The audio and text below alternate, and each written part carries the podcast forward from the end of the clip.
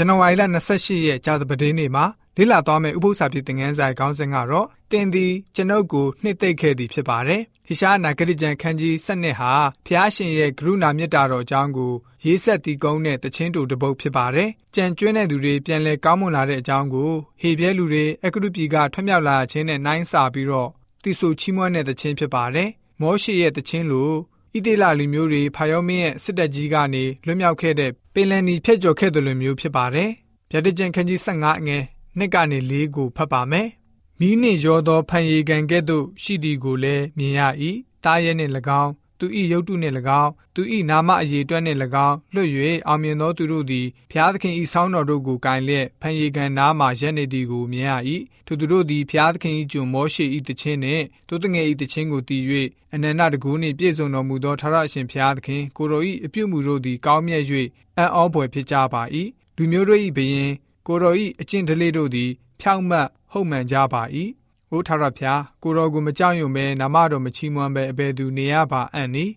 ကိုတော်တပါးဒီသာလင်တန်ရှင်းတော်မူ၏တရားသဖြင့်စင်တော်မူခြင်းအရာတို့သည် ထင်ရှားသည်ဖြစ်၍လူပေါင်းတို့သည်လာ၍ရှေ့တော်၌ကိုးကွယ်ကြပါလိမ့်မည်ဟုလျှောက်ဆိုကြ၏ဆိုပြီးတော့ဖော်ပြထားတာတွေ့ရပါတယ်။ဟိရှားအနာဂတိကျမ်းခန်းကြီး7ငွေ2မှာယေရှုရဲ့ကြွလာခဲ့တဲ့ရွေးနှုတ်ခြင်းအကြောင်းရေးထားတာတွေ့ရပါတယ်။ရေးဆက်ထားပုံကတော့ထထဖျားဟာ ငါရဲ့ကယ်တင်ခြင်းဆိုတာနဲ့သူဟာငါရဲ့ကယ်တင်ခြင်းအတွက်ဖြစ်လာပြီဆိုတာပဲဖြစ်ပါတယ်။ယေရှုရဲ့နာမတော်အနက်ကတော့သခင်ဖျားသည်ကယ်တင်ခြင်းဖြစ်သည်ဆိုပြီးတော့ဖြစ်ပါတယ်။ယေရှုဆိုတဲ့နာမနဲ့သခင်ဖျားဟာငါရဲ့ကယ်တင်ခြင်းဖြစ်တယ်ဆိုတဲ့အရာဟာဘယ်လိုမျိုးအတိတ်ပဲပေါ်လွင်နေပါသလဲ။ဖျားသခင်ဟာကယ်တင်ခြင်းအမှုတစ်ခုတည်းသာလှုပ်ဆောင်နေတာမဟုတ်ပါဘူး။သူ့ရဲ့ကိုယ်၌ကကယ်တင်ခြင်းဖြစ်နေပါတယ်။ဣသေလရဲ့တန်ရှင်းသူတစ်ပါးဟာငါတို့ရဲ့အလယ်မှာ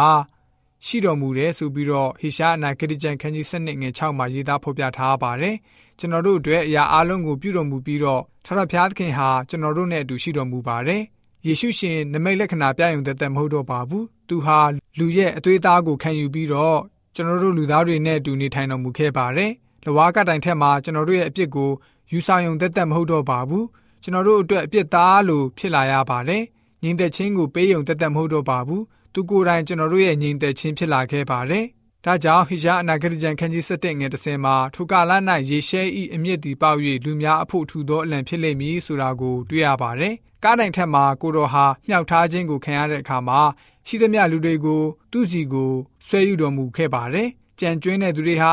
ခွန်အားကြီးတဲ့ထာဝရဘုရားထံတော်ကိုပြန်လာကြပါလိမ့်မယ်ဆိုပြီးတော့လည်းပြောထားတာတွေ့ရပါတယ်။ ယေရှုရှင်ဟာကျွန်တော်တို့ရဲ့ကယ်တင်ခြင်းဖြစ်တဲ့အကြောင်းကိုယောမဩရစာခန်းကြီး3ငွေ24ကဘယ်လိုမျိုးဖော်ပြထားလဲဆိုတာကိုကြည့်ကြပါစို့ယေရှုခရစ်ရွေးနှုတ်တော်မူသောအားဖြင့်အဖိုးကိုမပေးဘဲဖျားသခင်၏ကျေးဇူးတော်ကြောင့်ဖြောင့်မတ်ရာသို့ရောက်ရကြ၏ဆိုပြီးတော့ဖော်ပြထားပါတယ်ရွေးနှုတ်ခြင်းဟာယေရှုရှင်အထဲမှာရှိပါတယ်ရွေးနှုတ်ခြင်းအမှုဟာယေရှုရှင်ယေရှုရှင်မှာရှိတဲ့အရာတစ်ခုဖြစ်ပါတယ်ထထဖျားရဲ့က ရုဏာတော်ကြောင့်ကျေးဇူးတော်ကြောင့်အဲ့ဒီရွေးနှုတ်ခြင်းမှာကျွန်တော်တို့ထာဝရအသက်ကိုရရှိနိုင်ပါတယ်။တနည်းအားဖြင့်ယေရှုရှင်မှာရှိတဲ့အဲ့ဒီရွေးနှုတ်ခြင်းဟာကျွန်တော်တို့ရဲ့ယုံကြည်ခြင်းဖြစ်လာပါတယ်။အကျင့်မဟုတ်တော့ပါဘူး။အကြောင်းကတော့ကျွန်တော်တို့မှာရွေးနှုတ်ခြင်းကျေးဇူးတော်ကိုမိနိုင်တဲ့ကိုကျင့်ကောင်းမှုလုံးဝမရှိနိုင်တဲ့အတွက်ကြောင့်ဖြစ်ပါတယ်။သခင်ခရစ်တော်ရဲ့လှုပ်ဆောင်ပေးခြင်းသည်သာကျွန်တော်တို့ရဲ့ယုံကြည်ခြင်းကိုထောက်မပြီးတော့ရွေးနှုတ်ကယ်တင်ခြင်းအမှုကိုပြုတော်မူပါတယ်။အဲ့ဒီအမှန်တရားဟာကျွန်တော်တို့ကယ်တင်ခြင်းအတွက် မျှော်လင့်ချက်နဲ့အာမခံချက်ပဲဖြစ်ပါတယ်။ဒီလိုကြောင့်ကျွန်တော်တို့အနေနဲ့ကျွန်တော်တို့ယဉ်ကျေးသူများအနေနဲ့မထိုက်တန်ဘူးဆိုတာမျိုးတွေခံစားလာရတဲ့အခါမှာပြန်လည်ပြီးတော့သတိရအောင်မေ့ဖို့အရာကတော့ယေရှုခရစ်တော်ဟာကျွန်တော်တို့အတွက်ရွေးနှုတ်ကယ်တင်ခြင်းအမှုကိုလှုပ်ဆောင်တော်မူခဲ့တဲ့ဆိုတာကိုပြန်လည်အောင်မေ့သတိရပြီးတော့ယုံကြည်ခြင်းဘက်မှာတိုးပွားတဲ့ယုံကြည်သူတွေဖြစ်စေဖို့အတွက်ဂျာတပဒင်းနေဥပု္ပ္ပစာဖြစ်တဲ့ငန်းစာကဖော်ပြထားပါတယ်။